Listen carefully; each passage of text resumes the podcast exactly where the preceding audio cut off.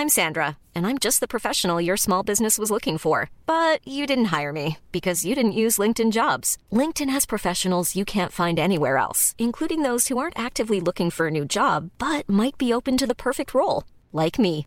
In a given month, over 70% of LinkedIn users don't visit other leading job sites. So if you're not looking on LinkedIn, you'll miss out on great candidates like Sandra. Start hiring professionals like a professional. Post your free job on linkedin.com/people today. There's never been a faster or easier way to start your weight loss journey than with PlushCare.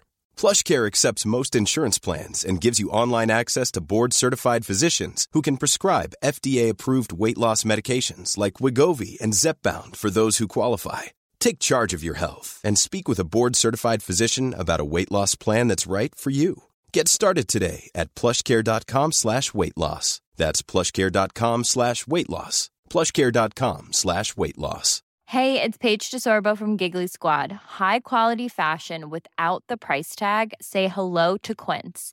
I'm snagging high-end essentials like cozy cashmere sweaters, sleek leather jackets, fine jewelry, and so much more. With Quince being 50 to 80% less than similar brands. And they partner with factories that prioritize safe, ethical, and responsible manufacturing. I love that. Luxury quality within reach. Go to quince.com slash style to get free shipping and 365 day returns on your next order. Quince.com slash style.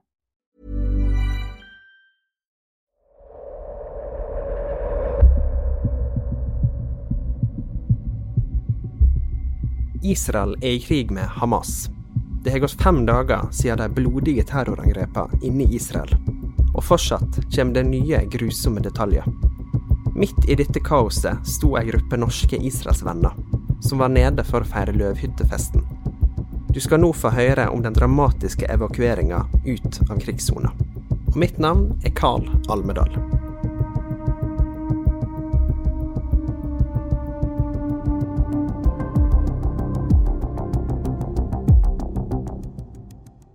Bjart Ystebø, velkommen. Tusen takk. Du er nå eh, endelig tilbake i eh, Bergen. Ja, Eh, hvordan er det å være tilbake på norsk jord? det er veldig godt. Eh, vi jeg Personlig så var jeg egentlig rolig og aldri spesielt redd, men, men vi følte jo veldig ansvar for de som hadde med oss, så det er godt at alle er kommet hjem, for å si det sånn. Og ja, og selvfølgelig Her føles alt trygt og, og bare bra. Mm. Kan du introdusere deg kjapt? Eh, Du er jo tidligere avisredaktør i Norge i dag. Nå er du TV-mann. Produserer annet Live med, med venner, som går på Kanal 10 og, og Beduskanalen. Eh, og så har du da en side gig, eller hva vi skal kalle det, som eh, reiseleder i Israel. Ja, altså jeg eh, jobber jo sammen med Internasjonale kristne ambassade, eh, som ledes av Dag Øyvind Juliussen, eh, og har ansvar for avisen som, eh, som vi gir ut der.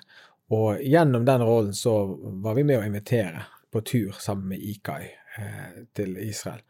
Så det var bakgrunnen for at jeg var der, sammen med, eh, med Linda, min kone, og med Linn Myhr og Kjell Martin, som jeg har jobbet med på TV tidligere, og en gjeng fra IKAI-staben. Og hvis vi da skrur klokka tilbake til lørdag morgen, eh, da kom det meldinger eh, på morgenen om at det var skutt 5000 raketter fra Gaza og inn i Israel. Eh, hvor var dere, og hvordan opplevde dere det som skjedde? Da var vi i eh, eh, Netanya. Vi hadde kommet fra Jerusalem dagen før. Jeg, det jeg merket, det var en melding som jeg fikk fra guiden vår. Eh, der sto det bare noe sånn som at eh, det har vært et angrep, bare ta det med ro. Eh, så det gjorde vi. Og så eh, ble jo det avdekket time for time eh, at dette her var ganske massivt. Så den første meldingen vi fikk, var jo egentlig nokså dempet. Og vi følte oss på trygg avstand fra det som skjedde. Og så skjønte vi etter hvert hvor alvorlig dette var. Mm. Ja, for det her er jo første gang at Hamas har greid å bryte seg gjennom gjerdet, i hvert fall i den skalaen her, eh, og komme inn i Israel og, og bedrive terror der. Hvordan opplevdes det for dere som da ikke var så fryktelig langt unna? det var litt forskjellig for folk i gruppen. Jeg følte meg helt rolig for at de folkene som har tatt seg inn der, de kommer ikke lenger. Eh, men det var jo en del som var engstelige, som spurte seg om dette kunne skje nå. Kunne vi oppleve at noen stormet inn i eh, hotellresepsjonen, altså sånn som de gjorde i Kabul? Mm. Så, og helt naturlige og forståelige følger. Men hvis man kjenner litt til regionen, så, så er jo så er det jo rakettene som er en reell fare for folk eh, som er et stykke unna Gaza, og for så vidt nordgrensen. Eh, men at de, disse infiltratørene skulle komme inn i selve Israel eh, utover der de var, det så ikke jeg på som noe sånn veldig fare. En og annen kanskje, men det er nå ti millioner mennesker der, og litt sånn rask sannsynlighetsregning gjorde at man følte seg ikke veldig truet, egentlig. Mm. Hva slags, eh, altså, hva slags reaksjoner var det i, i gruppa? Du sier det var folk begynte å bli litt engstelige. Vi hadde en gruppe på 71 deltakere fra Internasjonale kristne ambassade. Der ble alt dette håndtert veldig rolig. Eh, jeg er imponert over hvordan de bevarte roen. Vi som reiseleder prøvde jo selvfølgelig å opptre på en måte som ikke spredde engstelse. Vi var egentlig rolige, vi også, og kroppsspråket vårt eh, og sånt ga sikkert eh, den type signaler. Så, så, det var egentlig veldig lite utslag i vår gruppe. Det så vi jo mer til når vi møtte de andre eh, litt seinere, Men eh, mm. folk tok dette med ro, og nyhetsmeldingene kom, og vi skjønte at dette var ille. og, eh, og vi men vi hadde jo da allerede første morgenen så fikk vi beskjed om at vi måtte være i 90 sekunder av eh, tilfluktsrommet, som er i kjelleren på hotellet. Det betydde i praksis at vi var innelåst på hotellet. Eh, så det var jo eh, den meldingen som grep inn i folks ferie. Vi hadde vært på, på strand dagen før, og alle skulle jo på strand igjen. Hun bodde liksom på hotellet rett ved stranden og sånt. Så, men, men folk tok det veldig rolig. Mm. Eh, og så erklærte jo da eh, Netanyahu, Israels statsminister, erklærte jo krig mot Hamas senere på, på dagen der. Flyselskapene begynte å bli urolige, begynte å kansellere fly. Når var det dere forsto at dere kom ikke til å komme dere hjem eh, med det flyet som dere hadde tenkt? Vi hadde to flyavganger på vår gruppe. Det ene var med polske LOT, og det andre var med Norwegian. Vi fikk beskjed om at LOT kansellerte sent lørdag kveld og så fikk vi beskjed om kanselleringen til Norwegian natt til søndag. Eh, og da skjønte jo vi at eh, vi var i en vanskelig situasjon. Fordi at én ting er hvis det var meg og min familie, eller hvis vi var en liten gjeng, men vi var jo 71 stykker. Eh, og for min del, jeg hadde stått på TV og sett folk inn i øynene og invitert de med til Israel. Mm. Så følte jo et tungt ansvar for at uh, vi må få disse folkene trygt hjem. Uh, og det samme gjorde Dag Even Juliussen, som var, som var hovedleder for denne turen. Så det var det mest uh, påtrengende vi kjente på da, at nå har vi ansvar for å få disse folkene trygt hjem. Mm. Og da begynte dere å, å se på alternative løsninger. Hvordan jobba dere da? Vi hadde en eh, agent som heter Jon Teigen, som er veldig godt kjent i Kristen-Norge. Har vært eh, turoperatør eh, i en mannsalder, som, som, var, som, skaffet oss flybilletter i utgangspunktet, og som var teknisk arrangør for vår reise. Og med hans nettverk og med Dag Even Juliussen sitt nettverk så begynte de å jobbe med å få fly. Og Teigen skaffet oss fly. og ideen kom jo ganske tidlig da, om at vi må ha chartre et fly for å komme ut herfra. Fordi at det var ikke snakk om å få inn 71 passasjerer på disse flyavgangene, eh, som da var blitt ganske få. Det kom jo ikke inn fly, og da ble det jo stadig færre fly som gikk ut, og mm. alle skulle ut. Det var trangt i døren. Så vi eh, så ingen annen utvei enn at vi måtte skaffe oss vårt eget fly for å komme ut. Mm. Og når, når, du da eh, Altså, du var jo ikke alene som reiseleder, men likevel. Du sitter med ansvaret for 71 personer. Hvordan kjennes det? Nei, altså det, det var eh, helt fremst i bevisstheten at det var vår oppgave nå. Utover det så var det ikke noen sånn stor følelsesmessig påkjenning å ha det ansvaret. Man liker liksom over i modus at nå må vi jobbe og finne en løsning. Eh, og det var det strengt tatt ikke meg som gjorde, det var Dag Øyvind sammen med med Jon Teigen, som hadde fokus på det sporet der. Og jeg hadde jo masse mediekontakt, så det ble en sånn oppgavefordeling da, der Dag Øyvind jobbet med, med Jon Teigen og med den eh, lokale israelske operatøren, og jeg jobbet med media. Så var vi jo flere reiseledere som jobbet med Kjell Martin Myhr, mannen til Linn. Han jobbet litt med, holdt kontakt med UD. og så eh, var disse andre, da, Linda og Linn og, og flere, de var med å, å, snakke med folk i gruppen og prøvde å bevare roen og stemningen. Så vi ble jo til slutt et team som bare fylte de rollene som oppsto mm. i den situasjonen. Så det var egentlig veldig fint å være med på. Mm. Og dere måtte oppholde dere 90 sekunder fra bomberommet. Var dere i bomberommet også? Vi hadde én øvelse eh, til å begynne med, eh, der vi måtte ned dit. Eh, og så hadde vi en falsk alarm eh, midt på natten som gjorde at folk eh, trakk ned dit. Eh, det viste seg å være en brannalarm. Eh, så, så, var vi. Det var jo også vårt møterom, så det var der vi hadde informasjonssamlinger og sånt. Eh, så jeg har vært på tur der tidligere med Steine Harald, og da har vi brukt det som samlingsrom på det samme hotellet. Så vi var jo tilbake igjen der vi hadde vært før. Så det fungerte veldig greit. Og etter hvert så hadde vi jo Vi hadde jo en gjeng fra Kristiansand med oss, som bodde på et uh, hotell lenger nede som ikke hadde tilfluktsrom. Så da hentet vi de opp og fikk de inn på vårt hotell, sånn at vi hadde alle våre samlet der. Og da var vi jo mer enn 71, da. Da var vi jo nesten 80. Nettopp. Og så mandag så eh, hadde dere chartra et fly. Eh, og på formiddagen så tok dere buss bort til flyplassen. Kan ikke du ta oss igjennom det? For jeg, jeg har jo hørt at det var, det var drama allerede der? Ja. Eh, det første som skjedde før det, da, det jo at vi eh, Hvordan skulle få tak i det flyet. Eh, og, og da ble det plutselig spørsmål om betaling. Vi er jo i Midtøsten. Sant? Det er jo ikke sånn som i Norge at du liksom sender en regning om en måned. Disse folkene ville ha cash. Så vi måtte jo få folk til å betale inn 10 000 kroner av konto uten å få noe kvittering eller noe sånt. Helt uansvarlig, egentlig, sant? men det var krig. Vi måtte få det der flyet, og det kunne ikke stå på at ikke vi kunne løse det ut på flekken. Så det var jo det første som skjedde.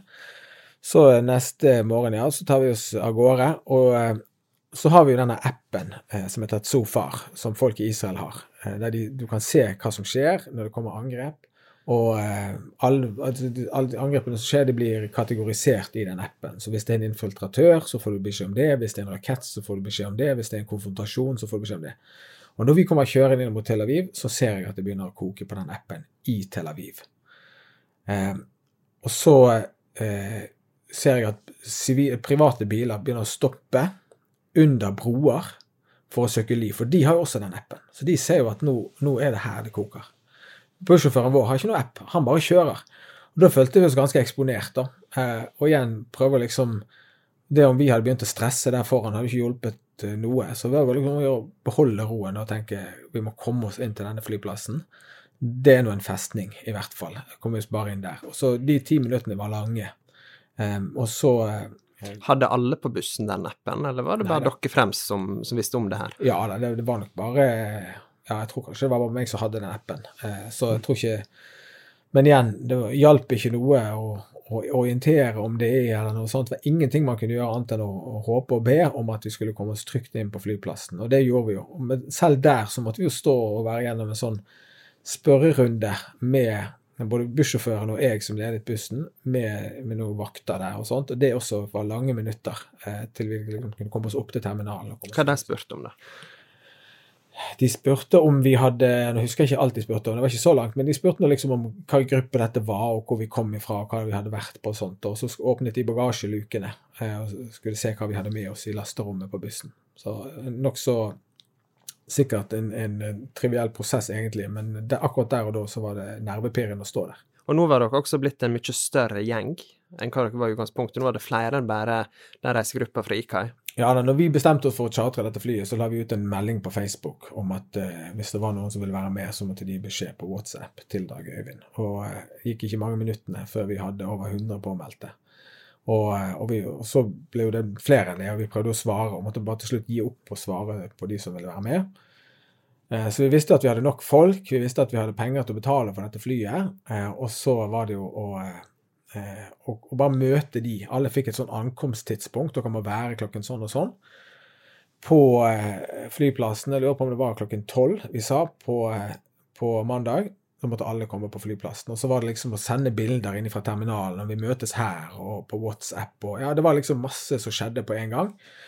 Eh, og eh, der inne var det masse folk. Det var sikkert 2000 mennesker bare i avgangshallen. Eh, så, vi sto jo i veien. Vi var en stor gruppe sant, på 180 personer som var samlet der. Og vi måtte prøve å holde sammen. Sant? Ingen måtte stikke av, for vi visste jo ikke når vi fikk denne flight-nummeret, og når vi skulle til innsjekk og alt sånt. Så det var en kaotisk fase. Mm. Ja, du har vel sagt at dere kunne fylt to fly hvis dere ville? Ja, det er jeg helt sikker på, og kanskje mer. Eh, ryktene gikk veldig fort om at vi hadde fly, og da var det veldig mange som ville være med, så det er jeg helt sikker på. Mm. Ja. Og så kom dere inn i eh, avgangshallen, og vi har jo eh, altså vi i dagen har jo snakka med, med, personer som var med på var med i bussen der, og var med videre inn da på avgangshallen, selvfølgelig, som, som fortalte om dramatiske ting der. Eh, kan ikke du fortelle hva som skjedde, og hvordan du opplevde det? Jo, altså hvis man har vært på Ben Gurion, så er det jo Du har en ytre avgangshall der du kommer rett inn fra gaten. Og så har du innenfor det så har du et område som er litt sikrere. Og så deretter så kommer sikkerhetssjekken, og da er du inne på, eh, på der du skal fly. da. Så folk står i avgangshallen. Først så er det en alarm. Da var ikke jeg kommet ennå, vår buss, men noen andre var kommet. Så de måtte da eh, evakuere inn i denne sikre sonen. Så det var ferdig når jeg kom tilbake. Men så, når jeg var der, Eh, så eh, hadde vi vært gjennom sikkerhetssjekk eller sånne her spørsmålsrunder. da. Ikke, ikke den her vanlige sikkerhetssjekken, men en sånn som man har i Israel. Hvor har du vært, hvem har du snakket med, har du fått noe med deg i bagasjen og sånt. Så de gjør litt grundig der nede. Og da plutselig så skjer det et eller annet som gjør at det bryter ut full panikk. Det var et øyeblikk, altså. Da skreik folk, og det var angst i blikket, og alle stormet inn i sikker sone. Alle måtte bare forlate bagasjen sin. Uh, og jeg sto og snakket i telefon med en eller annen, så Linda tok jo meg i hånden, liksom, og liksom 'Nå må du komme'. Uh, så det var, det var, det mest dramatiske øyeblikket. Så viste det seg at det ikke var dramatisk, men det sier jo noe om spenningsnivået i luften. Når, uh, det, var no, det var noen sikkerhetsvakter fra flyplassen som stormet ut, nemlig. Og da tenkte jo alle at nå er det en konfrontasjon her, vi må komme oss inn. Så det var det som forårsaket det. Så viste det seg at ikke det var det. Men det var, det var et veldig sterkt eh, øyeblikk, og tror jeg kanskje noe av det som sitter mest igjen hos folk. Mm. Hvordan reagerte gruppa på det? Jeg mistet jo oversikten over gruppen. Når vi kom tilbake igjen, så var, det, så var folk litt stresset i kroppsspråket. Og, eh, men eh, disse her israelske sikkerhetsvaktene var veldig på liksom eh, Dette er helt OK, det var ingenting, ingen fare. Så det la seg ganske fort. Men jeg tror nok det satt i kroppen på mange. Men mm. uh, igjen så var folk veldig fattet, og ingen som, som, som, flippet ut eller på en måte utagerte på noen måte. Alle var bare der og skjønte at vi må gjøre det vi trenger for å komme oss der vi skal. Mm. Ja, og gruppa hadde jo da også blitt eh eh, mer mangfoldig, holdt jeg på å si. Altså, eh, det var eh, En del av dem var eldre, eh, mer erfarne folk, og så har det kommet til noen yngre som Jeg hørte din tidligere TV-kollega Linn Myhr var på NRK i går og fortalte at, at de hadde en, hadde en ganske sterk reaksjon da. Det var nok de som hadde det tøffest, disse her ungdommene mellom 18 og, og kanskje et par og 20 år. Der var det mye tårer. Eh, noen som brøt litt sammen og sånt. Og, men eh, folk var jo bare veldig gode med hverandre og hjalp. Så vi som Reisel, eller meg og Dag Øyvind, var liksom ikke involvert i den her trøste og bære-fasen, da. Men eh, Linn og Linda og, og andre i turfølget var veldig flinke å ta seg av de som hadde det vanskelig. Men det, men man kan jo sjøl tenke seg, hvis man er så ung og er ute i verden og ikke så erfaren som oss andre og har ikke noe sånn eh, overblikk over situasjonen, så oppleves det der forferdelig dramatisk. Så jeg hadde mange foreldre hjemme som skrev meldinger og både takket for at vi hadde hjulpet deres, og liksom var, ville ha fortløpende oppdateringer. Går dette flyet snart? Og, så eh, ja, jeg sitter igjen med mange inntrykk fra akkurat de timene der. Mm. Hva tid kom dere til flyplassen? Ja, klokken var vel tolv på søndag eh, når vi kom. Eh, vi hadde blitt forespeilet en avgangstid, mener jeg, klokken 16.20. Så vi skulle være der i god tid, fire timer før. Eh, så det var først alt dette her med ventingen og disse her to opptrinnene der vi måtte komme oss i sikkerhet, og disse sikkerhetsspørsmålene. Og så begynte den lange ventetiden, som da viste seg å vare og rekke til langt utpå kvelden. Mm. Og flyet gikk jo ikke, det viste det seg til slutt. Det kom aldri noe flight-nummer opp på, på veggen, eh, og eh, ja, ble jo veldig urolig for hva er det egentlig som foregår. Eh, har, jeg har jo ingen erfaring med, med, hva som skal til for å få, få et fly eh, på plass på den måten. Så det var mumlet noe om noen landingstillatelser som var utestående og forskjellig. Jeg vet til dags dato ikke hva som egentlig skjedde og gikk galt, men det flyet kom ikke, og til slutt så måtte vi jo da bare samle gruppen, 180 nordmenn, eh, og, eller nærmere 190 var vi jo da, og bare si at eh, der kommer ikke noe fly. Vi fikk det til slutt bekreftet. Og så måtte vi begynne da å, å lede folk derfra, da. At de som er i vår gruppe, de skal til det hotellet. De hadde vi ansvar for. Og så var det mange andre som vi strengt tatt ikke hadde ansvar for, men som vi følte ansvar for. Nå hadde vi samlet de.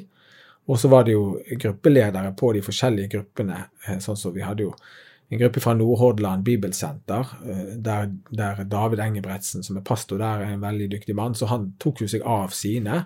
Så disse folkehøyskoleelevene fra Helgeland de ble jo fjernstyrt fra Norge. Eh, og så var det da små og store grupper med familier. og Disse her ble da etter hvert spredd på forskjellige hoteller. Noen ble sovende på flyplassen. Noen var på andre adresser rundt om i Israel som vi strengt tatt ikke visste om. Men vi tilbød alle hjelp. Og det var jo også folk som sa at de ikke hadde penger. Vi kunne risikere at vi måtte kjøpe nye flybilletter en gang til samme dag, før vi fikk igjen eh, de pengene vi hadde betalt. Det folk hadde betalt? Ja da, vi hadde, Dere hadde betalt. gitt en koffert med penger til eh, en eller annen? Eh, det hadde gått gjennom vår agent. Eh, så de pengene sto på konto i Norge hos vår agent. Og alle, alt var ryddig og greit. Alle ville jo fått de pengene tilbake. Men, eh, men, hvis ikke du har det i øyeblikket, og du trenger å betale, så hjelper ikke Du vet at de kommer på mandag eller på tirsdag. Så det var jo vanskelig. Men, så vi måtte bare si at hvis det var noen som var i en så vanskelig situasjon at de ikke hadde penger, de ikke hadde et kredittkort de kunne trekke, de ikke hadde noen hjemme som kunne sende dem en straksbetaling, så måtte de komme til oss, så skulle vi se hva vi kunne gjøre. Det tror ikke det var noen som gjorde. Så jeg tror alle klarte å komme gjennom det der. Og så var det da tilbake inn på hotellet. Og da, seint på mandag kveld, så får jeg melding fra Dag Øyvind, som er på den andre bussen, om at vi har eh, fått et fly i morgen fra Eilat. Eh, og eh, venter på å få det bekreftet. Så da, da, hadde vi troen, men vi hadde jo da i friskt i minne den erfaringen vi hadde fra samme dag. At eh, vi trodde at vi skulle få fly, og så fikk vi det ikke. Så det var jo Vi la oss jo ikke med noe sikkerhet for at vi skulle komme oss av gårde, men, men, med en god følelse. Mm. Så da sto dere opp eh, tidlig dagen etterpå, sette dere på en buss og kjørte i retning ørkenen. Vi som bodde på hotellet i Netanya, vi samlet oss og fylte to busser. Eh, alle de andre, noen var reist helt opp til Haifa f.eks., eh, og, og folk var i Jerusalem og Tel Aviv. Alle de rutet vi til Ben Gurion, og der sto det to busser. Så de som bodde på flyplassen, og alle de som ikke var med oss, de møtte på Ben Gurion klokken ni. Og, og så kjørte vi da i fire busser nedover til eh, gjennom ørkenen. Og vi måtte jo si til norske medier at vi ber om at dere er tilbakeholdne med å eh, fortelle om våre bevegelser nå. For, for det, det, at vi skulle til Eilat, det var ikke kjent, men jeg regnet med at folk ville poste det på Facebook og sånt, og at dere journalister ville finne ut av det. Og det var helt greit, men vi vil ikke ha det omtalt i avisene. For det, da var jo vi kanskje eksponert. Hvem vet at dette kunne bli noe som noen kunne synes var en prestisje å stoppe denne kolonnen, eller enda verre, skade oss. Så det ba vi om, og det respekterte alle mediene. Så vi kjørte gjennom ørkenen der og hadde egentlig en fin tur. Og litt sånn nervepirrende når vi kjører gjennom Beersheva, og, og, du er liksom på skuddhold. Og det koker på denne appen og sånt. Så det var jo litt for spennende, egentlig. Men så kom vi forbi eh, Dimona, det her eh, atomkraftverket, eller den her eh, der Israel har sine, sitt arsenal og sånt, og da følte vi at vi var på trygg, trygg mm. avstand. Ja, for dere kjørte jo egentlig Israel på langs. For de som ikke vet det, så ligger Eilat helt sør, sørspissen, kan du vel si, av, av Israel. Eh, hva var det du fikk opp appen? Hva var det som skjedde rundt dere, rundt bussen? Eh, altså, du må følge veldig godt med i den appen hvis ikke du kjenner alle stedsnavnene. Eh, sånn at Men Du må liksom inn på kartet og sånt. Så det var først etterpå vi skjønte hva vi hadde vært gjennom. Da. At det hadde vært raketter i området rett før vi kom, og at det kom raketter like etter at vi hadde vært der. Eh, så, så, det var Ja, men eh, til slutt så bare la jeg denne vekk og tenkte at eh, Og drev jo holdt på med mediene også, sant? og sendte tekstmeldinger til til deg og til andre journalister i Norge og mailer og pressemeldinger og sånt. På et eller annet tidspunkt så måtte vi jo slippe ut det at vi var på vei til Eilat, for da var vi trygge, da kunne vi si det. Så det var jo, det opplevdes ikke så veldig dramatisk, den traseen, og vi var opptatt av å ikke kommunisere at det var noe drama, men vi visste jo at det var mer risikabelt å være der enn kanskje andre steder. Men så gikk det veldig bra, det også. Mm. Og så kom dere fram til flyplassen i Eilat, eh, og en ny runde med venting. Flyet ble vel også litt forsinka? Ja, men der nede var det en veldig fin atmosfære. Vi hadde flyplassen for oss sjøl. En stor, flott ny flyplass. Det, de som har vært i Eilat, vil huske den gamle som ligger nede i sentrum, men de har fått en veldig flott flyplass. Så når vi kom der, så var det helt stille i avgangshallen, og bare folk som ventet på oss. Først sikkerhetsspørsmålene, og, og eh, så eh, på innsjekkingsskranken. Da fikk jeg en utrolig fin følelse inni meg at nå er vi, nå er vi der vi skal være. Disse folkene her hadde ikke møtt hvis ikke vi hadde et fly på gang. Eh, og derfra gikk det så smidig og fint. Eh, og eh, ja, selvfølgelig tenker man at det kan jo skje noe og sånt, og vi måtte vente litt på det flyet. Eh, men ja, det, det, var en, en, god opplevelse å være på flyplassen i Eilat. Da følte vi at vi var, var straks hjemme. Og så kom dere opp i lufta, eh, og da ble det litt dramatisk igjen. For de som ikke har sett det ennå, vi har jo en video på dagen ennå som viser eh, rakettene som dere så fra flyvinduet eh, da dere fløy over Israel. Hvordan opplevdes det? Eh, det, var, det, gjorde veldig inntrykk på de som satt på, på barbord side, hvis jeg kan si det sånn, av flyet, og hadde utsikt mot Middelhavet og så bort på, på Gaza og så på disse rakettene. Og de ble jo filmet, som du sier, og delt med media. Jeg følte meg ikke så veldig engstelig for det, for jeg kjenner jo geografien. Vi var jo veldig langt unna. Og jeg var jo på vei raskt opp i, eh, opp i eh, høyden. Eh, men det gjorde nok veldig inntrykk på de som satt der, at du kunne se rakettene. Og, og det, er ikke, det, er ikke, som å se på nyttårsaften. Du vet at det er menneskeskjebner her som er på, på bakken. Og så fikk vi jo se rakettskjoldet, da, eller Iron jernkuppelen til Israel, i eh, funksjon. Det var jo eh, virkelig et skue. Så, men jeg forsto på de som satt på den siden og hadde utsikt med det, at de, det gjorde inntrykk på de da. Men eh, det var jo ikke aldri noe fare for oss. Eh, men han flyverten som satt og betjente oss midt i, midt i flyet, han var veldig stresset. Eh, han, han, var egentlig ufin med oss. da. Under, under normale omstendigheter så ville jeg sagt at det var uprofesjonelt. Men det var rett og slett eh, fordi han var engstelig. Eh, de hadde kommet fra Kypros med det samme flyet. Han fortalte at den flighten var ikke trygg. Eh, det er jo det siste du bør si som egentlig flyvert, sant? Men, men, det var bare Han hadde en tung dag på jobben, og det, det, må man bare forstå. Så jeg spurte om det var wifi på flyet, og da så han foraktelig på meg og sa at eh, du skal bare være glad du har et fly. Ja, han hadde selvfølgelig helt rett i det. Så, så det, var, det, var, jo eh, et veldig signal ifra de som jobbet på flyet, og de hadde snakket med noen av våre om at alle kollegene deres var i Tel Aviv. Og, og mens vi er der, så er jo det angrep også på flyplassen i Tel Aviv. I hvert fall fikk vi vite det via media. da. Så det føltes jo litt uvirkelig at vi var på riktig flyplass, eh, mens det var et angrep på den andre flyplassen. Så ja, men uansett, da, vi var nå oppe i luften og så på dette her, og det var sikkert skummelt for de som så det på den siden, men jeg tror jo aldri at det var farlig for oss. Vi har jo sitert uh, igjen Linn Myhr, uh, for hun, uh, hun sa i ettertid at hun satt med hjertet i halsen og syntes dette var veldig ubehagelig. Igjen, den som ikke har sett den videoen på, på dagen.no, bør, gå inn og, bør gå inn og se den. og der har vi også en video av at hele flyet synger navnet Jesus.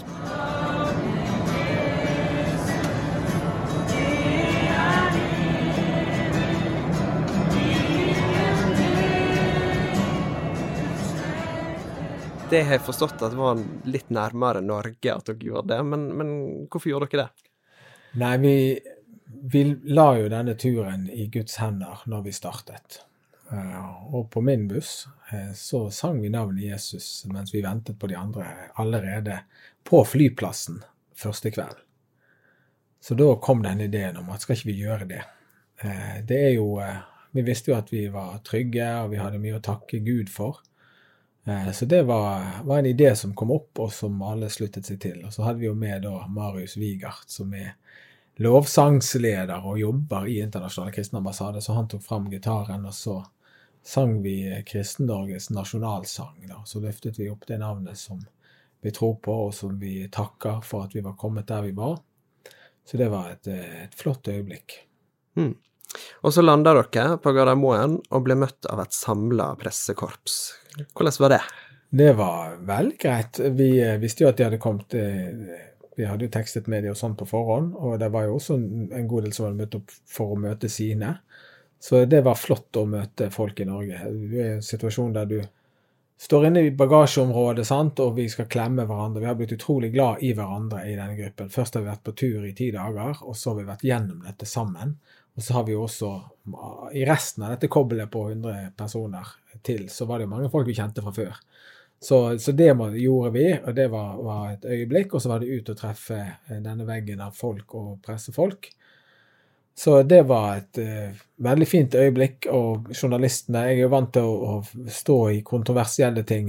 Dette var noe helt annet. Nå kom de der for å ønske oss velkommen hjem og si at det var godt å se dere her og sånt. og har en lang eh, liste med SMS-er på min telefon fra journalister i Norge som sender hjerter og, og, og, og hender som ber, og, håper dere kommer dere trygt frem. Så det har jo vært eh, også en fin opplevelse, da, å kjenne liksom at, eh, at eh, her hadde vi hele folket i ryggen. At eh, alle her var på vår side, at vi måtte komme oss trygt hjem. Og det følte vi også når vi kom inn i avgangshallen, eller ankomsthallen, at de, de var glad for at vi var der. Ja. ja, for kristne kristne Israelsvenner er jo ikke alltid, eh, alltid like populær gruppe, kan du si. Eh, har du tenkt noe rundt det? Ja, jeg har tenkt på det. At når det virkelig er alvor, så har vi en del andre verdier som binder oss sammen her i Norge. Vi vil hverandre vel. Vi kan være uenige om politiske ting og andre ting. Men det er ingen som her i landet som ønsker at noen skal utsettes for noe vondt. Eh, så det, det, sitter jeg igjen med som et veldig godt minne. Den eh, omsorgen som jeg følte for vår gruppe eh, fra journalister som egentlig er profesjonelle og er på jobb og skal rapportere, men som ble merket at de hadde virkelig oss i tankene og ville at det skulle gå bra med oss. Men når du nå er hjemme igjen i Norge, trygt hjemme i Norge, og ser tilbake på det dere har opplevd, var dere i reell fare?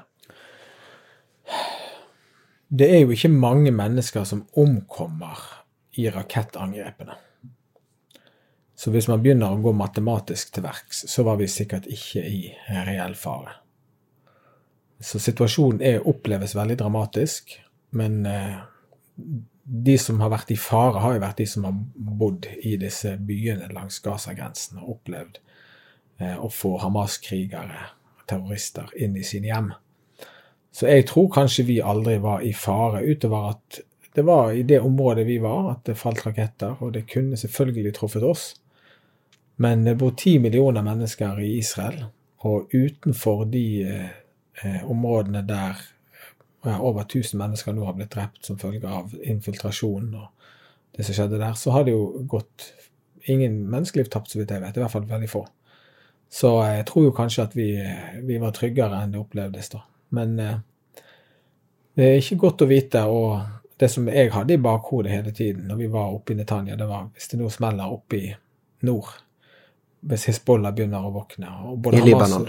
Ja. Både Hamas og Hizbollah er jo koordinert av Iran. Så det er jo ikke utenkelig at når den ene aktiveres, så kommer den andre like etterpå. Og den helikoptertrafikken som vi så med israelske helikoptre, den gikk bare én vei. Den gikk nordover. Så, så Israel hadde fokus på eh, nordgrensen. Eh, vi leste et sted at 65% av styrkene var der. Så det gjorde jo at vi tenkte at det kunne komme et angrep der også, mot, der, og der vi ville vært mer eksponert for det som kom derfra. Så, men eh, nei da, eh, var vi i fare? Det er ikke godt å vite. Vi er i hvert fall trygge nå, det er vi takknemlige for. Og du vet jo ikke, det er uforutsigbarheten og usikkerheten som gjør det. Og når man i tillegg har ansvar for folk som man har invitert med seg på tur, så var det bare én ting som sto i tankene våre, og det var å komme oss hjem. Eh, for min del svare på media, sørge for at eh, vi kunne møte det enorme informasjonsbehovet som var eh, hjemme i Norge. Ikke for at folk skulle bli underholdt, men folk som kjente folk som var på flyet og visste at de skulle hjem. Så det syns jeg var veldig viktig og meningsfullt å jobbe med det. Så de, det var de tingene vi hadde fokus på, og nå er vi glad for at vi ikke er der, rett og slett. Selv om vi er glad i Israel, og tankene våre er hos de som ikke kunne flykte, og som fortsatt lever i, i spenning og engstelse. Det må være forferdelig. Mm. Eh, og dere var jo veldig kritisk til UD. Eh, det begynte vel på, på mandag, eh, når charterflyet, det første charterflyet ikke gikk. Da begynte kritikken å komme fra, fra deg og andre i gruppa di om at UD burde gjort mer for å hente dere ut. Eh, hva tenker du rundt det nå eh, i ettertid? Jeg tenker at uh, vi, Den bokstavelige meldingen som jeg fikk i min samtale med en av rådgiverne i UD, det var at alle må hjelpe seg sjøl. Eh, og det er sikkert noe som står i deres eh, dokumenter, at det er det som er oppgaven inntil UD griper inn, men det, det var veldig vanskelig. Så vi bestemte oss at vi må heller hjelpe hverandre. Eh, så, så, da sørget vi for at alle de som var, skulle være med på den første flighten, ble invitert ned på den andre, og vi passet på at eh, alle hadde hotell hvis de ville ha det, og at eh, at vi hadde penger eh, tilgjengelig hvis det var noen som trengte det. Og folk, folk fikk ikke tilbud om noe hjelp fra UD, altså se bort fra selve flyet. Men ingen konsulær bistand av noe slag hadde de å gi. Og det syntes jeg var skuffende og overraskende. For vi opplevde jo at situasjonen var veldig kritisk. Det rådet vi fikk, var at eh, det er fortsatt eh, rutefly som går. Dere må prøve å komme dere på de flyene. Det var helt urealistisk. Skulle vi sitte der med ansvar for 71 i vår gruppe, altså bort ifra alle de andre som strengt tatt var bare kommet til, sitte og begynne å bestille flybilletter på internett, eh, to plasser her og én plass der og tre plasser der, og reiserute her og der, og skal du ha midtsete, eller skal du ha ekstra bagasje. Altså, det er helt utenkelig at vi kunne håndtere det mens vi holdt på å prøve å få denne gruppen i sikkerhet. Det og det var heller ikke noe, alternativt å splitte dere opp, heller? Nei, det er også helt urealistisk, eh, sånn som vi så det. Så det var ikke i våre tanker. Så det var egentlig useriøst av UD å komme med noe sånt. Så skjønner jeg at de har protokoller, at de kan ikke respondere på alt, eh, og det kan ikke alltid knipse med fingrene. Men så viste det jo seg at UD kom på banen. Når vi først hadde fått ut våre, så kom jo UD med et fly.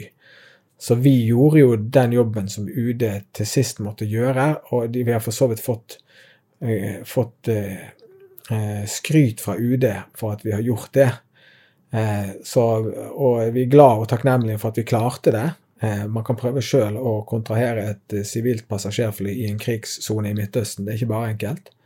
Så, så, så jeg sitter ikke igjen med sånn, noe sånn sinne eller noe sånt mot UD. Jeg syns det var dårlig håndtert. Jeg syns de kom ett døgn for seint på banen. Uh, og det fastholder jeg, selv om vi nå er kommet hjem og det har gått bra, og har, de har håndtert det med et nytt fly og sånt. Så uh, det er ikke godt nok, det som UD har levert. Men jeg håper de kan lære noe av det. Mm.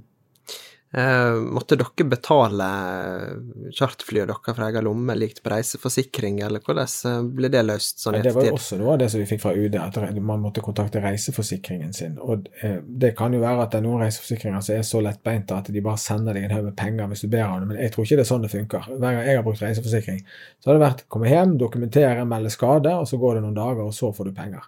Så reiseforsikring var heller ikke noe alternativ for oss. Nei, alle måtte stille med de pengene, sende de til et kontonummer hos vår agent i Norge. Eh, og det gjorde folk. De pengene kom inn, det var ikke noe rot med det. Så det var jo stor tillit her til både oss som, som dro i gang denne redningsoperasjonen og, og, sånt. Eh, så den fikk vi jo bruk for. Eh, alle skjønte at her var ikke det rom for å få noe kvittering eller noe sånt som ellers ville kreve. da. Så, så de, de, de, betalte inn, og pengene sto på konto, og de var, de var rede når når agenten vår trengte å betale ut den israelske agenten som skaffet eh, flyet. Mm. Og Er det da penger dere får igjen, eller? Ja, det forutsetter jeg. Nå er jo det et sak mellom den enkelte og deres forsikringsselskap, og folk har forskjellige reiseforsikringer. Men hvis ikke dette skulle utløse eh, en eh, refusjon fra reiseforsikringen, så forstår jeg det ikke. Så folk var i en tvangssituasjon og måtte gjøre dette her. Så det tar jeg for gitt at de vil få hos alle sine reiseforsikringsselskaper. Mm. Hvis vi går over i en litt mer sånn analytisk del eh, For eh, nå når du fått det litt Altså, det er jo gått noen dager siden lørdagen, for det første, og du er ute av Israel. Eh, hvordan ser du på det som, det som skjedde? Nei, Det var utrolig overraskende, det som skjedde. Det kom jo overraskende på Israel òg. Da gjorde det nødvendigvis det på oss også. Så det at de skulle klare å, å planlegge for det må ha tatt lang tid.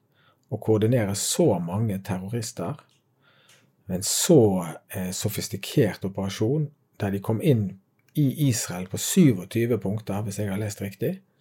Noen av de kom flygende med, med sånne paraglidere, mm. motordrevet eh, paraglider. At alt dette her skal ha gått forbi israelsk etterretning, det beste etterretningsapparatet i verden, det syns jeg er helt uvirkelig. Min umiddelbare tanke er at jeg har kanskje kanskje alt det som har pågått i Israel det siste året, med interne rivninger, kan ha tatt så mye oppmerksomhet at det har gått på bekostning av eh, de tingene der. Det har ikke noen holdepunkter for å si, men, men det, det, spør jeg meg om. Eh, så nei, det er sjokkerende at det kunne skje. Den brutaliteten som de da viste eh, inne i eh, disse, tok seg inn i private hjem og slaktet ned folk. Eh, kastet granater inn i bomberom der folk hadde søkt tilflukt. Det var, det var det verste av det verste. De folkene her, det er de verste menneskene som finnes på jordens overflate.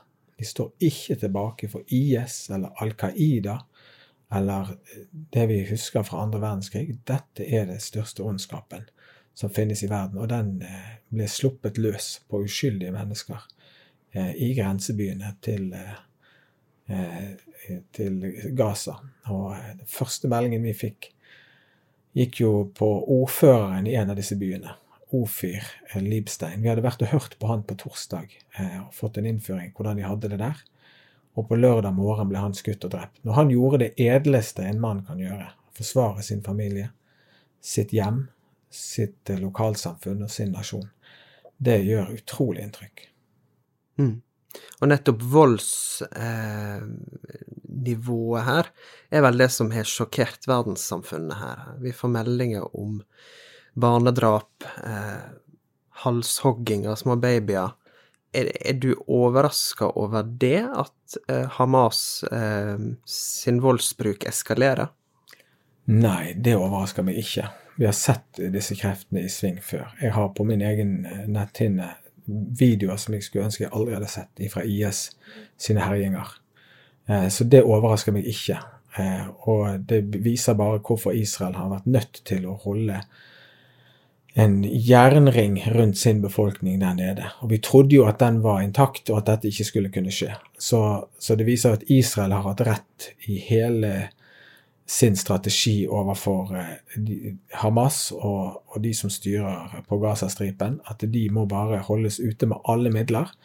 For slipper de inn, eh, så går de inn med dødsforakt. De bryr seg ikke om de mister sitt eget liv, og det gjorde de jo. 1500 av de eh, lå døde igjen på israelsk side.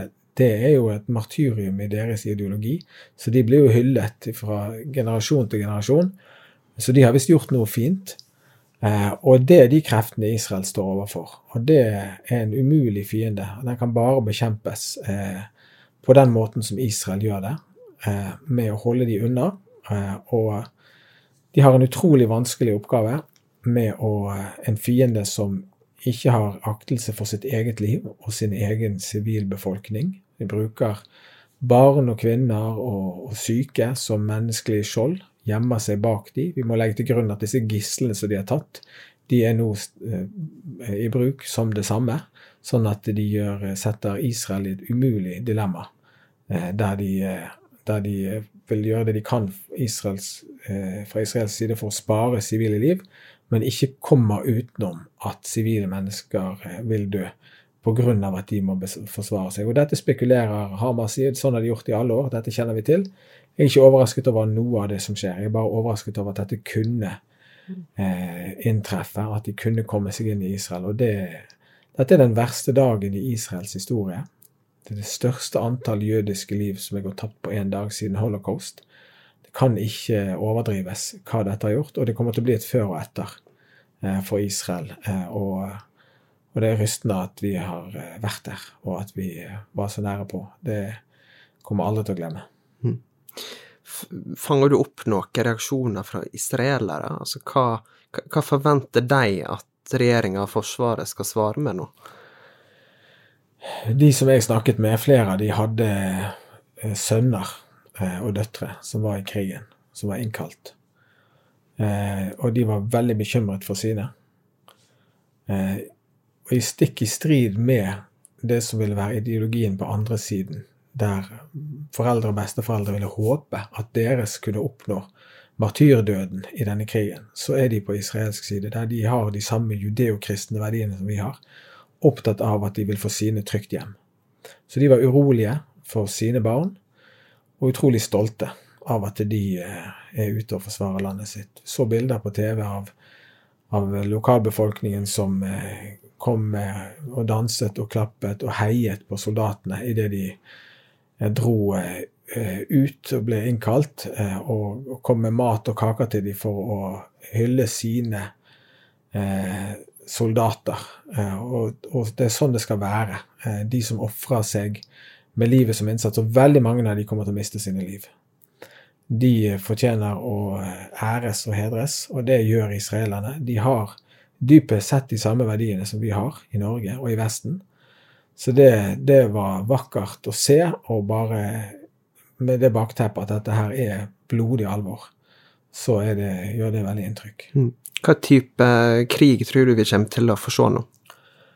Jeg tror at vi kommer til å få se i all hovedsak eh, eh, en kamp der Israel er nødt til å nøytralisere Hamas, og der Hamas kommer til å bruke sivile som menneskelig skjold. Eh, jeg ser at Israel har tenkt å, eller allerede har stengt av forsyningene eh, og eh, vil gjenoppta de når de får gislene sine tilbake. Det er selvfølgelig en veldig brutal strategi. Jeg er sikker på at eh, Israels fiender her i Norge, og de er dessverre mange, kommer til å bruke ord som kollektiv avstraffelse. Det har vel allerede blitt brukt. Ja, men hva skal Israel gjøre? Hvis ikke befolkningen i det landet og i de områdene sjøl reiser seg mot det onde, hvem skal da gjøre det? Så de er nødt til å gripe inn. Israel er nødt til å gjøre dette her, og de kan kalle det hva du vil. Israel må punkt én få sine tilbake. Det er det eneste riktige å gjøre. Eh, det ville vi forventet hvis det var noen av våre i vårt eget land som ble eh, tatt som gisler. Så ville vi forventet at vår regjering gjorde alt som de kunne i sin makt for å få dem tilbake. Det må de gjøre, og de må sørge for å utslette trusselen fra Hamas en gang for alle. Mm. Og så er Hamas en organisasjon. Eh, den kan nøytraliseres og tas ut, det er jeg sikker på. Israel er i stand til å gjøre det. Men ideologien vil leve videre. Eh, og det vil Israel måtte fortsette å streve med i årene som kommer, og det kommer de til å ta ytterligere grep for å sørge for at det blir vanskeligere for de å, å gjøre noe sånt igjen, men at de ganske sikkert kommer til å fortsette å klare å ta jødisk liv eh, sånn som de ønsker, og det som de romantiserer, og det som de drømmer om eh, i disse områdene i altfor stor grad. Og det, det er forstemmende. Jeg jeg, jeg husker en gang Kåre Kristiansen sa det i en tale, at det blir ikke fred før fredsfyrsten kommer. Eh, og sånne tanker gjør meg. Eh, hva annet skal være eh, egnet til å skape fred her, enn når denne ideologien lever så veldig, veldig sterkt i, i denne befolkningen? Mm. Men, men, det er jo et eh, spørsmål, det her, om det er eh, et forholdsmessig svar å, å ta vann og strøm fra to millioner sivile på, på Gaza. Mener du at det er det? Jeg skal i hvert fall ikke sette meg over den eh, vurderingen som Israel gjør. Jeg vet at det er ingen eh, militære styrker i verden, inkludert vår norske, som har en høyere standard når det gjelder hvilke ting som skal til for at man kan gripe inn med sivile liv som omkostninger. Så jeg vet at Israel gjør de største anstrengelser for å spare sivile liv. Så jeg er bare redd for at den strategien Israel her velger, ikke vil virke. Fordi at Hamas de har ikke sitt eget folk kjært. Om deres egne barn, sønner og døtre, biologiske barn, sulter og dør, så er jeg redd for at de vil synes det er et nødvendig offer for å fortsette kampen mot jødene. Så det er min bekymring. Ikke at det kan bli vondt og vanskelig for folk i Gaza, for det, jeg ser ingen vei utenom. Det går ikke an å forhandle seg til dette her. Altså, det blir helt matt når jeg hører statsministeren i Norge snakke om at vi må vurdere å gå i dialog med Hamas. Eh, det er ikke tiden for det nå. Nå er det tid for å gripe inn resolutt. Og det kommer Israel lykkeligvis til å gjøre, og ingen andre land i verden bør eh, ytre seg et øyeblikk om hvordan Israel går frem. Eh, for det at det er Israel som har disse skoene på seg, og det er deres eh, sivile som ligger slaktet igjen eh, i Negev-ørkenen. Og de må gjøre det som er nødvendig. Og jeg har tillit til at de gjør det på en så høy etisk måte som overhodet mulig. Flere har sagt at det som skjedde nå i helga, endrer alt i Midtøsten. Det sa jo du også nettopp. Tror du at det angrepet som skjedde, de bildene vi har sett, kommer til å gjøre noe med, med sympatiene eh, som vi nordmenn har? Ja, det tror jeg. Jeg tror Israel har fått flere forsvarere gjennom det som har skjedd disse dagene. Eh, og så tror jeg at eh, journalister i Norge er nok så dypt forankret i sitt narrativ at jeg tror at dette ikke endrer hele bildet i Norge. Men jeg tror Israel har fått nye venner. Eh, ingen av de som var på vår tur, vil noensinne være i tvil om hva Israel står overfor. Og jeg tror jo at det samme har gjort seg gjeldende, om enn i mindre grad, for de som har sett dette her. Og nå kommer jo de sterke beretningene frem om hva som har skjedd. Og det må gjøre inntrykk på folk. Og så vet jeg at det kommer dager der det vil være beretninger fra den andre siden som også vil gjøre inntrykk på folk. Og så vil det samme narrativet komme opp igjen i media om at eh, Israel går for hardt frem. Og jeg er spent på hvordan det der vil utvikle seg. Men jeg ser veldig mange israelske flagg eh, på Facebook-profiler rundt omkring. Og det er, har tradisjonelt vært eh, kanskje forbundet med høy omkostning. Eh, det var lett å ta et fransk flagg når det var angrep i Paris, og et ukrainsk flagg etter det som skjedde i, eh, i fjor. Men eh, når så mange folk eh, tar opp det israelske flagget på Facebook, så er det en liten indikator på at folk er beveget, og det har skjedd noe med deres syn på konflikten. Så det tror jeg på, men jeg tror ikke det grunnleggende sett rokker ved narrativet til norske journalister. Og de har veldig stor makt i formidlingen av, av virkeligheten til nordmenn, så det skulle jeg ønske var annerledes. Men det er ikke man herover. Shimon Peres sa det at det er bedre å være i live og være upopulær enn å være populær og være død. Uh, og det er det Israel må forholde seg til. Så deres eget omdømme det kommer ikke i første rekke når de nå skal forsvare seg mot uh, det de står overfor. Og det, det forstår jeg veldig godt. Mm. Jeg regner med du har hatt andre ting å gjøre enn å sitte og følge med på NRK og mediedekninga her i Norge og det som har skjedd. Men har du, du fått med deg noe? Har du danna deg et inntrykk? Nei, jeg syns det har vært eh, fint at noen av disse historiene har kommet frem. Jeg syns eh, de sedvanlige stemmene som uttaler seg om eh, konflikten, ikke har levert det som jeg har sett. De fastholder at dette dypest sett er Israels feil. Ja, de erkjenner at dette var grusomt, de kaller det for terror. Men så er alltid siste ordet i analysen at dette skyldes okkupasjon. Ja, men Israel har ikke noen okkupasjon av Gaza. Israel bar sine egne innbyggere ut av der i 2005. Eh, de har gitt fra seg hele det området. Eh, så de som bor der, har ingen grunn til å klage på noe okkupasjon. De hadde et vanskelig liv, eh, ikke verre enn andre nødvendigvis i regionen, og ikke verre enn folk på vestbredden av Jordanelven, Judea og Samaria kanskje. Det er sikkert nyanser her, men altså det narrativet sitter så dypt i norske medier, i norske Midtøsten-eksperter, at det syns jeg er veldig skuffende. Eh, men jeg tror folk flest ser gjennom også det i denne fasen vi er i nå, når de får de sterke inntrykkene i media. Så, men, eh, men, det skal tydeligvis mer til enn dette eh, for å endre holdningene til norske eksperter og journalister. Og, og jeg håper ikke det blir en situasjon der det skjer noe mer enn dette. Så da får de bare holde på som de gjør, og kritisere Israel og gi Israel skylden for alt. Det er en gammel antisemittisk løgn som har eh, gått gjennom historien i 3000 år, at det er jødene sin feil. Og den synes ikke å slippe taket. Så det synes å være et, et, et, et fast fenomen i enhver kultur, også vår. Men eh, nå må Israel gjøre det de skal og kan. Hmm. Flere snakker om at realiteten er det Iran som står bak det her angrepet, som har, som har hjulpet Hamas til å ja, bli kapable til det her. Eh, og spenninga mellom Iran og Israel har vært stor i lang tid. Eh, tror du det her kan eskalere til en større konflikt, eh, og i verste fall en krig, mellom Iran og Israel? Ja, det tror jeg det kan. Jeg ser at det er flere kommentatorer som sier det, at dette kan være det som måtte til for at Israel skal agere mot Iran. Nå gjør jo Israel det stadig. De tar jo ut baser i Syria og ting og tang. Så, så det er jo realiteten en slags eh, krig mellom Israel og Iran. Det er bare ikke en full krig. Så Israel gjør det de må, også i så måte.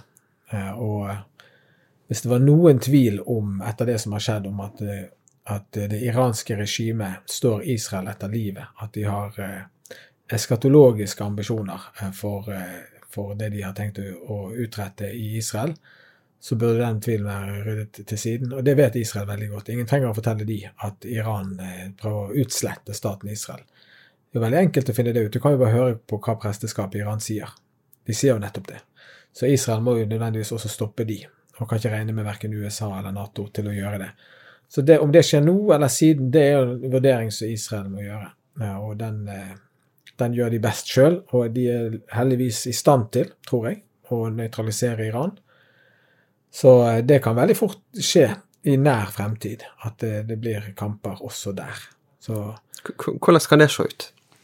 jeg er ikke noe ekspert på dette her, men, men Is Israel er jo veldig flinke på presisjon når det gjelder å, å gå militært til verks. Og det vil være en helt annen konflikt enn den som de har med Gazastripen. Altså, Iran har jo konvensjonelle våpen og, og baser og militærstyrker og atomanlegg som Israel vet veldig godt hvor er.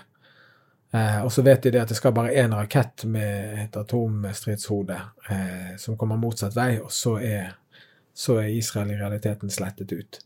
Så det, det vil jo stille enorme krav til Israel. Da. Men eh, det er bare tidsspørsmål før det må skje noe også eh, i Iran. Så det kan skje noe, definitivt. Mm. Jeg vet ikke om du fulgte med i sosiale medier på eh, debatten om, om storkrig og, og endetid. Det er i hvert fall noe som jeg har lagt merke til i Facebook-gruppa blant Israels venner. Eh, at der er, er mange opptatt av det her, og Gog-krigen nevnes en del. TV-pastor Jan Hanvold i Visjon Norge har også gått ut i, i Norge i dag og sagt det samme, at det, eh, vi står overfor Gog-krigen. Eh, hva tenker du rundt det? Nei, jeg må ærlig innrømme det at dette har jeg liten greie på. Ja, jeg har lest alle disse bibeltekstene, men eh, det er veldig vanskelig å bedømme eh, akkurat de tingene. Eh, de som snakker om sånt, de kan få rett, men det kan også være eh, at det er for tidlig, eller at det er feil. Jeg tror alt det som Bibelen eh, forteller skal skje, kommer til å skje. Og hvordan det ser ut, og på hvilket tidspunkt og sånt, det tror jeg er veldig vanskelig for oss å bedømme. Så jeg er veldig varsom med å mene noe om det. Jeg laster ikke de som gjør det, men jeg føler ikke jeg har greie på det der nok til å si noe om det. Så da lar jeg det være. Men jeg har tillit til Bibelen, eh, tillit til Guds ord, at eh, alle de eh, hendelsene som er beskrevet, de kommer til å finne sted, og inkludert at mesteren kommer tilbake på Oljeberget, der vi var i forrige uke. Eh, og det skal bli den eh, viktigste dagen i dette endetidsscenarioet som vi på et eller annet eh, vis er inne i, tror jeg. Så Men jeg er varsom med å uttale meg for mye om det, for jeg føler ikke jeg kan nok om det, rett og slett. Men jeg holder meg til det ordet som sier at vi ikke har noe å frykte, som tror på Gud, i den situasjonen.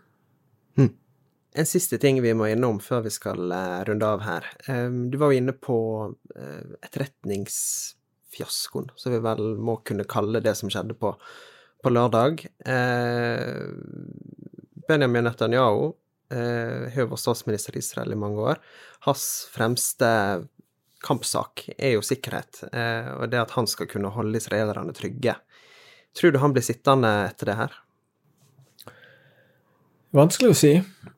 Jeg tror jo at det blir en samling rundt han nå, pga. grunn av at det er krig. Og så tror jeg det kommer et regnskap etterpå, der må man finne ut hvor dette sviktet, og det tror jeg Israel kommer til å finne ut. Hører rapporter om at de har fått etterretning som de da ikke har klart å fortolke eller ikke tatt alvorlig nok. Så noen har jo da ikke gjort jobben sin, og statsministeren har alltid det konstitusjonelle ansvaret for alt sånt.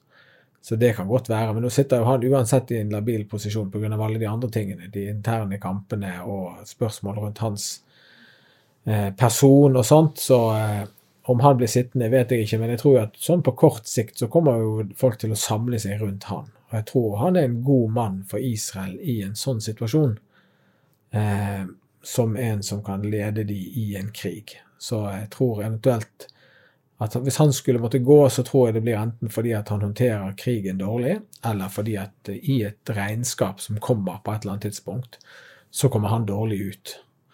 Eh, og så er det jo ikke sikkert at han ønsker å sitte som statsminister resten av sitt liv heller. Så, så det kan godt være at han går av på et eller annet tidspunkt, men nå tror jeg nok at uh, han er der fordi at han har tenkt å være der, og fordi at folket vil ha han akkurat nå. Og så tror jeg det kommer sikkert dager etter dette. Hm. Bjarte Stbø, takk for at du kom.